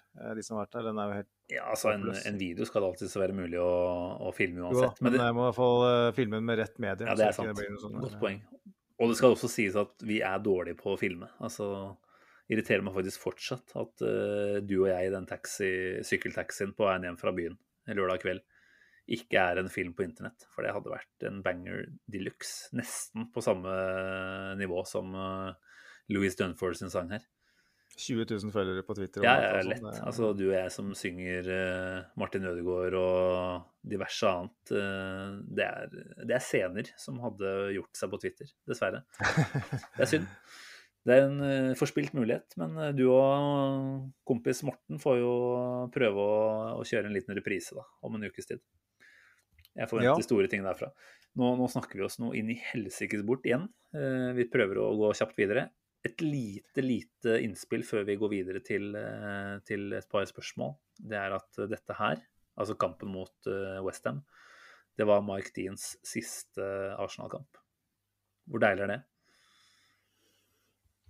Det er eh, veldig deilig. Og han forsvinner litt sånn uh, uten at han legger merke til den på et vis, og det syns jeg er uh, veldig fint. Um, det er jo Nesten ikke til å tro. Jeg var er helt sikker på at Mike Dean kom til å bli hovedperson i den kampen her. Når Ramsdale kom ut der på i første omgang, var det vel, og så ut til å feie ned Jared Bowen. Så du det? Du, Jeg skal se den kampen der i reprise når jeg redigerer pod, så jeg kan ikke påberope meg å ha sett den, nei. Da var korkopptrekkeren min i lufta, skjønner du. Fordi at uh, Ramsdale han gikk ut på et sugende løp der. Et fabianski-løp, for de som har sett FA-cupfinalen i 2014. Uh, og det ser jo ut, før man ser reprisen, at han bommer på ball og bare feier ballen ned. Og da Og, og, og Dean er rett ned i lomma. Og jeg Ah, tenkte å nei, det er rødt. Det her er eh, ta-ta Champions League og hello Europa League. Og Antonio Conti i- med Tottenham i Champions League var det jeg så for meg da. Da flasha framtida forbi meg i revy, på et vis. Eh, den framtida som forhåpentligvis ikke får. Eh, og så viser det seg at Bowen filmer. Ja vel, ja. Ja vel, ja. For, for Ramsay treffer jo verken Bowen eller ballen. Og Mike Dean så catcha det helt uh, etter Ja, han tok det med en gang, så det er jo utrolig bra. Jeg hyller Mike Dean. Jeg vil ha han med videre. Ja, det kan vi si. Det kan vi godt si. Jeg skal sende brev til Mike Dean og, og be om at han fortsetter å dømme i Premier League. Nei da, så, Så det var et nydelig, nydelig øyeblikk å, å vinke farvel til, Mm. uh, til Mike Dean. Og skal vel både han og Atkinson og John Moss gi seg. Å, her. fy faen, så deilig. Så det er jo tre John Moss, tre altså, det er jo Det må være verdens dårligst trente toppdommer. Altså, vi har ikke noen ikke noe vonde ord om fasonger og sånt, men altså å prestere på et nivå som Premier League, da, da krever det noen fysiske grunnlag, og det, det har jo ikke John Moss. Så Det er jo vanvittig imponerende at han har uh... er det det? Er det egentlig imponerende? Altså, Jo, det er, det er litt kompis til uh, Mike Riley. Jeg vet, jeg vet, altså den, debatten her kan man gjerne ta, og har tatt flere ganger òg. Men jeg syns det er litt imponerende at han ikke er enda verre. greit. Greit. Eh, greit. Vi beveger oss videre, da. Eh, kanskje vi skal se litt framover, Magnus? Er ikke det tida for det nå? Ja, ta et par kjappe, da, før vi Et par kjappe. Kristoffer Gullberg eh, på Twitter skriver eh, Hvordan angriper vi kampen mot Leeds? Personlig mener jeg Elneni burde ut til den. Inn med Lokonga, som har bedre driv offensivt. Håper på et offensivt Arsenal som går i strupen på Leeds, men frykter at vi blir baktunge og gir bort initiativet. Og da er jo spørsmålet, Magnus, du fra tribuneplass, hva er det du ønsker å se på Emirates? Er det en Elneni for fjerde gang på rad, eller skal man gjøre noen endringer? Um, det, synes, det er vanskelig, fordi at uh, nå har du jo nå er det tre seire på rad, og det er kanskje da man skal være proaktiv og ta den avgjørelsen. da. Så jeg er litt enig med, hvis det er det Kristoffer antyder her, at kanskje bør man gå for en litt annen løsning. Leeds, tross alt uten Bradley Cooper eh, Er det Bradley heter? Mm. Cooper? Er Liam? Cooper, tror jeg det heter. Liam Cooper. Het, Bradley det Cooper er heter. Jeg tror han heter det. Han heter det. Jeg vet aldri i dag. Nei, Men, det er lov. eh, alt er lov. Cooper ut, eh, Dallas ut. Dallas er ute veldig lenge, virka det som. Og mm, da har vi plutselig to eh, bærebjelker defensivt ute i et Leeds som allerede vakler. Eh, Tabbe slapp vel fire inn, slapp inn fire nå mot City i helga. Ikke at City skal være målestokken, men føler jo da at dette er en kamp vi i større grad skal gå ut og ta kommando. Mm. El Neni pass, kan kanskje være mer ekspansiv i, i en kamp hvor omstillingsfasen defensivt er hyppigere på den måten vi ser i dag. Er du professor, eller? For en måte å ordlegge seg på. Men Jeg det er greit, jeg, du får den. Det høres ut som du er en A-elev i absolutt alt her i livet. Hadde det bare vært så vel. um, men eh, hvis jeg skal skotte eh, inn i fremtiden, så tenker jeg at eh, at det kanskje ikke er så dumt da, å kjøre en Lokonga. Ehm, men igjen, det, Ariteta må, må se på hvordan, hvordan er Lokonga mentalt etter det han var med på i de kampene hvor vi tapte. og eh, er, trenger vi den erfaringen til Elneny? Altså, Leeds kommer til å utfordre oss, for Leeds kjemper for livet. Mm. Så Everton i dag mot Chelsea, de var gode, altså. Eh, de var gode mot Liverpool Everton i perioder. Ikke, ikke gode i den forstand at de ikke skulle styre, men de hadde en kampplan. Og de eh, var lojale mot den, og det var vanskelig, vanskelig å spille mot. Altså, nå slapp de inn mot Liverpool etter hvert, da. Eh, men de holdt vel nullen i en 60-70 minutter der, før Robertsen stanga en 1-0. Og i dag så, så går de av banen på Goodison uten å slippe inn mot Chelsea. Fem, en femmer bak og en firer rett foran. Stenger av de rommene som eh, Martinelli eller Saka ønsker å, å tre inn i. Er eh, Um, hvis Leeds på en måte med, Under Jesse Marsh er ikke Bielsa fotball lenger. Mm. Eh, hvis vi kjører Elneni og Sjaka eh, som skal stå da og slå på tvers og på tvers og på tvers, kanskje trenger en Lokonga som er litt mer fremoverretta enn Elneni er, da. Ja, altså, nå har vi prata. Jeg er ikke meninga å, å avbryte deg, for det, det er mye spennende tanker og det er mye framtid å, å, å lene seg mot i forhold til hva som skal skje framover. Men hvis den poden her skal komme ut i morgen tidlig, på mandag, og gi eh, våre faste lyttere en god start på uka, så er jeg nesten nødt til å avbryte deg der. Og så får vi gå over til eh, X-spillerspalten, som jeg vet at du har eh, gjort deg ordentlig flid med denne uka her. Det er en eh, om ikke legende, så er det i hvert fall et, eh, et eh, historisk navn vi skal få stifte nærmere bekjentskap med i dag. Så hvis det er sånn du sitter klar, så tenker jeg du skal få lov til å, å kjøre i gang X-spillerspalten eh, med en gang. jeg. Takk for det. Vi kjører på. Kjør på. Jeg skrek i telefonen. Jeg skalv av sinne. Jeg kunne nesten ikke tro det. Det var nesten så jeg kjørte av veien. De berømte ordene tilhører Ashley Cole. Arsenals offisielle kontraktstilbud lød på 55 000 pund i uka. Selv hevda han, hardnakka, at han ble lova 60 000 pund i uka. Sportsbilen skrensa truende på veiskuldra, og snart skulle verdens beste venstreback bli gjenstand for voldsomme midtslagsytringer samt flyvende pundsedler pryda av hans ansikt. Akademiets øyesten draperte seg i fiendens klær før han foretok The Walk of Shame til Londons vestkant. Og slik gikk det, og slik gikk også Arsenal glipp av tjenestene til en genuin verdensklassespiller i mange, mange sesonger. Var det verdt det? Vel, bare spør Hibernian. Den skotske klubben har førstehandskunnskap i emnet. I 1961 satt de på tjenestene til en, til en av Balløs aller giftigste målskårere. En uredd predator med et vilt skåringssnitt. En engelsk landslagsspiller som var ettertrakta selv på kontinentet.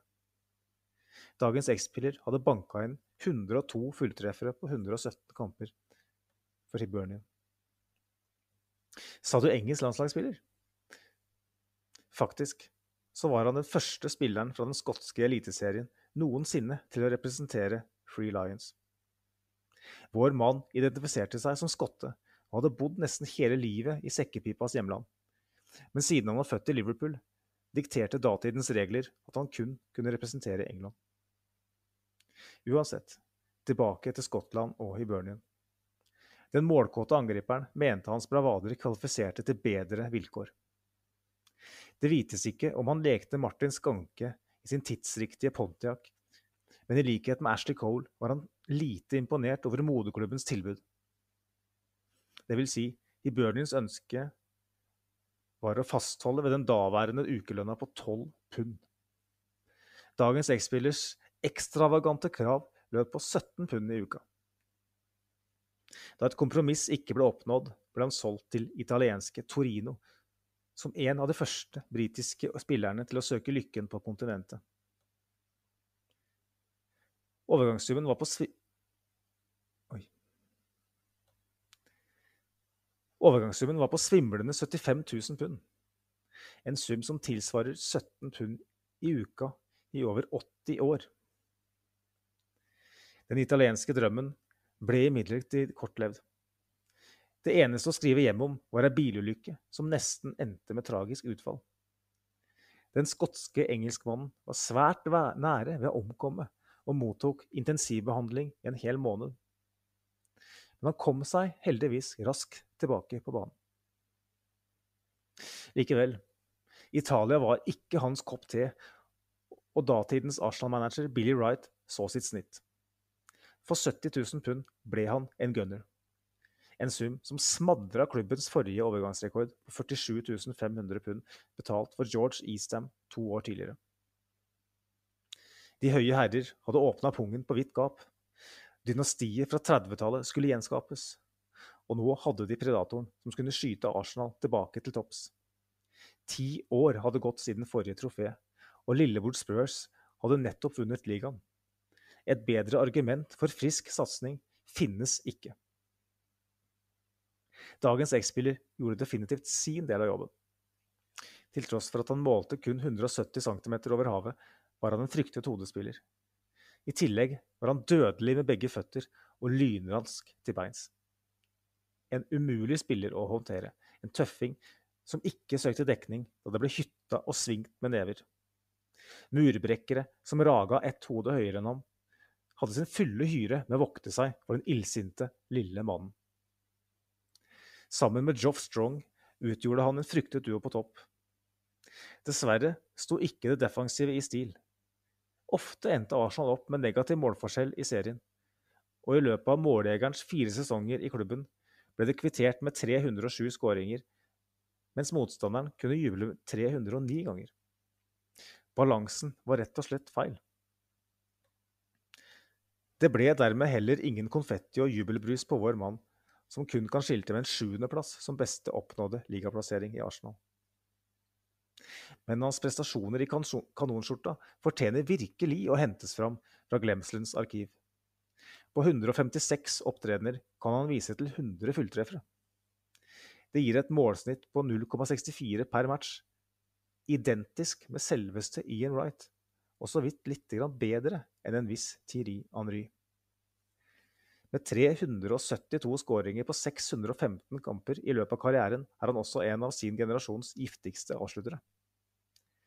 Derfor er det også trist at han sto tomhendt tilbake, uten et eneste trofé i løpet av karrieren. Etter Arsenal-oppholdet gikk veien videre til Nottingham Forest og etter hvert Sunderland, før han, i motsetning til Ashley Cole, røyka fredspipe med moderklubben og returnerte til Hibernian.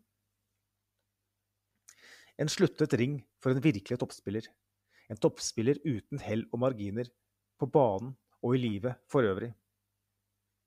Kun uker gammel mista han sin far til krigens spesialiteter. Den lille familien ble sendt på flukt og endte opp i Motherwell, hvor han vokste opp sammen med sin mor og sine brødre. Bilulykken har vi allerede nevnt fra Italia. Og nevnte vi forresten at han var en hårsbredd unna å bli tatt ut i den engelske landslagstroppen i 1966. Verdensmesterskapet som skapte engelsk fotballs aller største legender. Dessverre er det noen som trekker flere korte strå enn lange. Dagens X-spillers skjebne skulle forsegles på det aller tristeste vis i 2003, da han falt om på golfbanen og døde av hjerteinfarkt. Kun 63 år gammel. Men heldigvis finnes det fremdeles mange med gode minner fra første halvdel av 60-tallet, da Joe Baker bøtta inn skåringer for The Gunners. Wow. Altså, jeg må bare si at jeg hyller jo deg, da, først og fremst, Magnus, for at du finner ut såpass mye spennende info om en eh, Jeg vet ikke om man skal kalle det en grå mus, jeg, men eh, det er jo en periode i Arsenals historie som ikke var spesielt eh, begivenhetsrik, egentlig. Så at du klarer å dra fram såpass mye spenstig fakta om eh, Joe Baker, det, det er imponerende. Eh, så er det jo nesten sånn at jeg sitter igjen og er litt trist. Stakkars kar. Her er det jo mm. på mange måter nedtur på nedtur.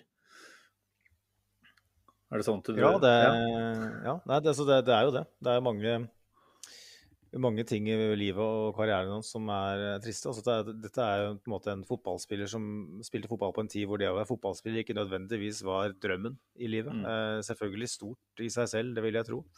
Men eh, som jeg nevnte, tolv pund i uka. Eh, jeg vet jo at vi ikke klarer helt å sette oss inn i hva, hva var lønnsnivået i Skottland i 1958, men eh, du skjønner hva jeg mener. Det er åpenbart ikke voldsomt mye. Mm. Eh, og det, det, med faren hans og eh, flukt og, mm. og, og, krig og alt det der. Og i tillegg da på en måte endelig eh, som fotballpensjonist skal leve livet. Så eh, falleren om en alder av 63. Det, Mm. det er 30, kan si 30 år for lite, det. Og eh, kunne jo veldig gjerne ha levd fortsatt i dag, med tanke på at han er født rundt 1940. Mm. Så det er, eh, det er en Arsenal, eh, et Arsenal-ikon som de aller fleste ikke kjenner. Jeg syns skåringssnittet som jeg nevnte, det er, det, det er voldsomt. Ja, det er altså. verdt, å, verdt det i seg selv, det å, å bruke tid på han pga. det. Og det er klart at det er jo fort gjort å, å bli litt glemt, da, rett og slett, med tanke på at du kanskje ikke da har vært en del av et lag som har vært på sin absolutte høyde. Og når du da i tillegg en hårsbredd ikke blir plukka med til 66-mesterskapet der, så sånn lagmessig så står man jo ikke igjen med de store bravadene, da. Men, eh, men at dette er en, eh, et navn som vi som supportere burde kjenne til, det, det høres jo ikke ut som det er noe tvil om. Jeg må jo bare absolutt innrømme at det, dette her var eh, ukjent for meg. Vært, altså Navnet har vel kanskje streifa en i, i ulike ting man har lest og sånt, men det er ikke noe som har festa seg, da. Det sier kanskje Nei. mer om meg enn om Joe Baker. Men, eh, men allikevel, at du, at du sørger for å få presentert den på en så fin måte som dette her, det, det føler jeg at det, det er på sin plass, altså. Så jeg hyller deg, og jeg hyller Joe Baker om en, en del år på overtid. Mm. Jeg er litt usikker på om han var en del av den der, eller er en del av den der eh, muren utafor Emirates. Den skal jo fjernes nå til, eh, til sommeren. Eh, Da skal det byttes ut med noe nytt. Mm. Det er vel ikke bestemt hva det er, men eh, jeg er usikker på om han eh,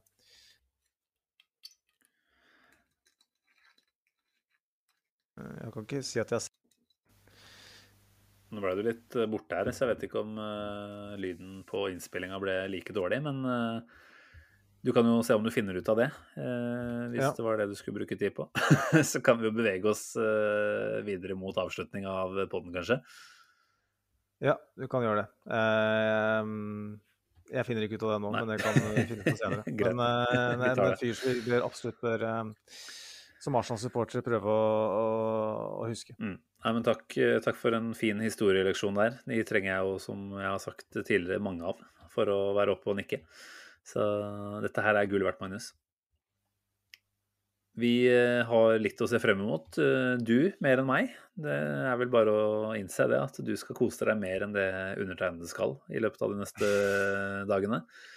Så jeg får jo bare avslutte med å ønske deg riktig god tur over, eh, over kanalen. Og om det blir Burger King eller Mækkern på senga i like stor grad som det blei for noen uker tilbake, det, det håper jeg nesten ikke. For det betyr at du og Morten ikke har tatt den helt ut. Så kos dere eh, i London. Kos dere på Emirates på lørdagskvelden. Og ikke minst på søndag ettermiddag, når Leeds skal eh, slaktes.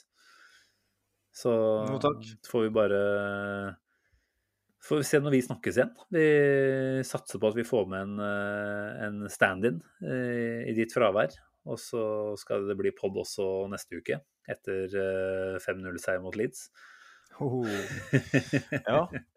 ja nei, det, det blir spennende å se hvem du fisker opp av hatten der. Men uh, jeg er vel uh, tilbake etter Tottenham senest, iallfall. Ja. Uh, så det, det er jo sykt å tenke på det, at uh, neste gang vi sitter her, så er det potensielt etter at vi vet skjebnen vår Mm. i forbindelse med det derbyet. Så På et eller annet vis så er jo den sesongen her definert i løpet av de neste to kampene.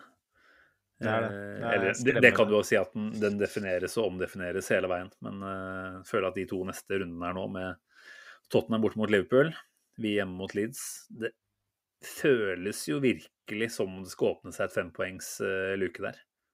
Jeg vet jo at uh, det det, de som tror på høyere makter og sånt, ikke liker at man sier sånt, for det er vel ensbetydende med å jinxe det som faen. Men uh, vi må jo nesten kunne tørre å hoppe på det. Og så får vi jo bare se hva, hva som eventuelt da skjer i midtuka. Det er vel torsdag 12., som blir en høytidskveld på mange måter.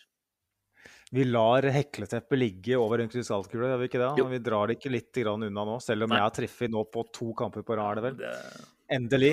det var på tide. Nei, vi, vi skal ikke prøve engang, for det, det har vi feila så ekstremt på. Så alt som heter spåing, det, det overlater vi til de profesjonelle. De profesjonelle spåkonene, de, de kan vi jo stole på, som vi vet. Ja, bruk pengene deres der, folkens. All right. Nei, men vi får runde av, Magnus. Tusen takk for uh, nok en hyggelig prat. Alltid trivelig å, å rounde opp uh, Arsenal-kamper med deg. Det, det, trengs. Det gjør at vi kan komme oss i gang med en ny uke på, på best mulig måte. Så om det blir tap, som det jo dessverre blir iblant, eller seier, som det ble i dag, så er dette en fantastisk måte å hive seg i kast med en ny uke på. Så takk for praten.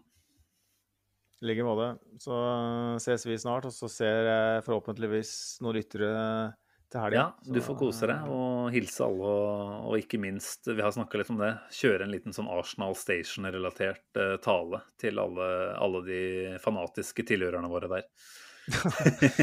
ja, ja, ja. Nei, vi får se hva vi får til. Jeg skal i hvert fall sende oppdateringer på kontoen vår ja. med litt bilder og litt sånn, så uh, håper jeg folk kan henge med. Det blir veldig bra. Jeg gleder meg. Gleder meg til å følge deg på sosiale medier. Fy faen.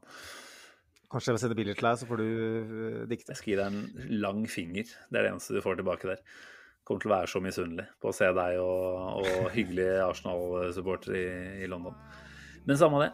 Takk til eh, deg som lytter. Eh, vi setter veldig stor pris på at dere følger med oss som alltid.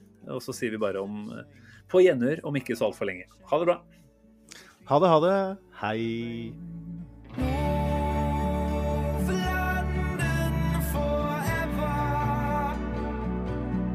Jeff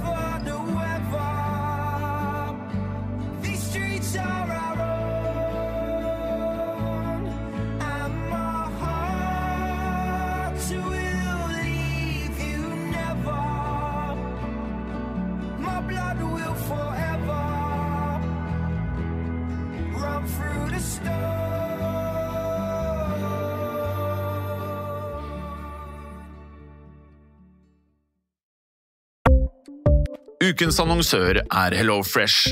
HelloFresh er verdens ledende matkasseleverandør og kan være redningen i en travel hverdag. Mange av oss har nok vandret i butikken både sultne og uten en plan for middagen, som ender med at vi går for de samme kjedelige rettene gang på gang. Middag burde være dagens høydepunkt. Som HelloFresh kan du nå velge mellom 25 ulike retter hver eneste uke, eller få HelloFresh til å sette sammen menyen for deg. Dette gir deg muligheten til å prøve nye og spennende retter alene eller sammen med familien. Du velger antall porsjoner og får alt levert på døren på et tidspunkt som passer for deg. Oppskriftene er enkle, og maten er lett å lage både for store og for små. Ved å få alt levert hjem får du også mer tid til å dele matgleden med familie og venner. Kanskje det frister med asiatiske tacos eller greskinspirert kylling? Da kan jeg anbefale deg om å gå inn på hellofresh.no. Her kan du bruke koden FOTBALL og få opptil 1779 kroner i rabatt på de første fem matkastene hvis du ikke har prøvd Hello Fresh tidligere. Du kan også bruke rabatten hvis du har vært kunde og stoppet abonnementet ditt for tolv måneder siden eller lengre. Gå inn på hellofresh.no og bruk koden FOTBALL. Har du et enkeltpersonforetak eller en liten bedrift? Da er du sikkert lei av å høre meg snakke om hvor enkelt det er med kvitteringer og bilag i fiken, så vi eh, gir oss her, vi. Fordi vi liker enkelt. Fiken superenkelt regnskap.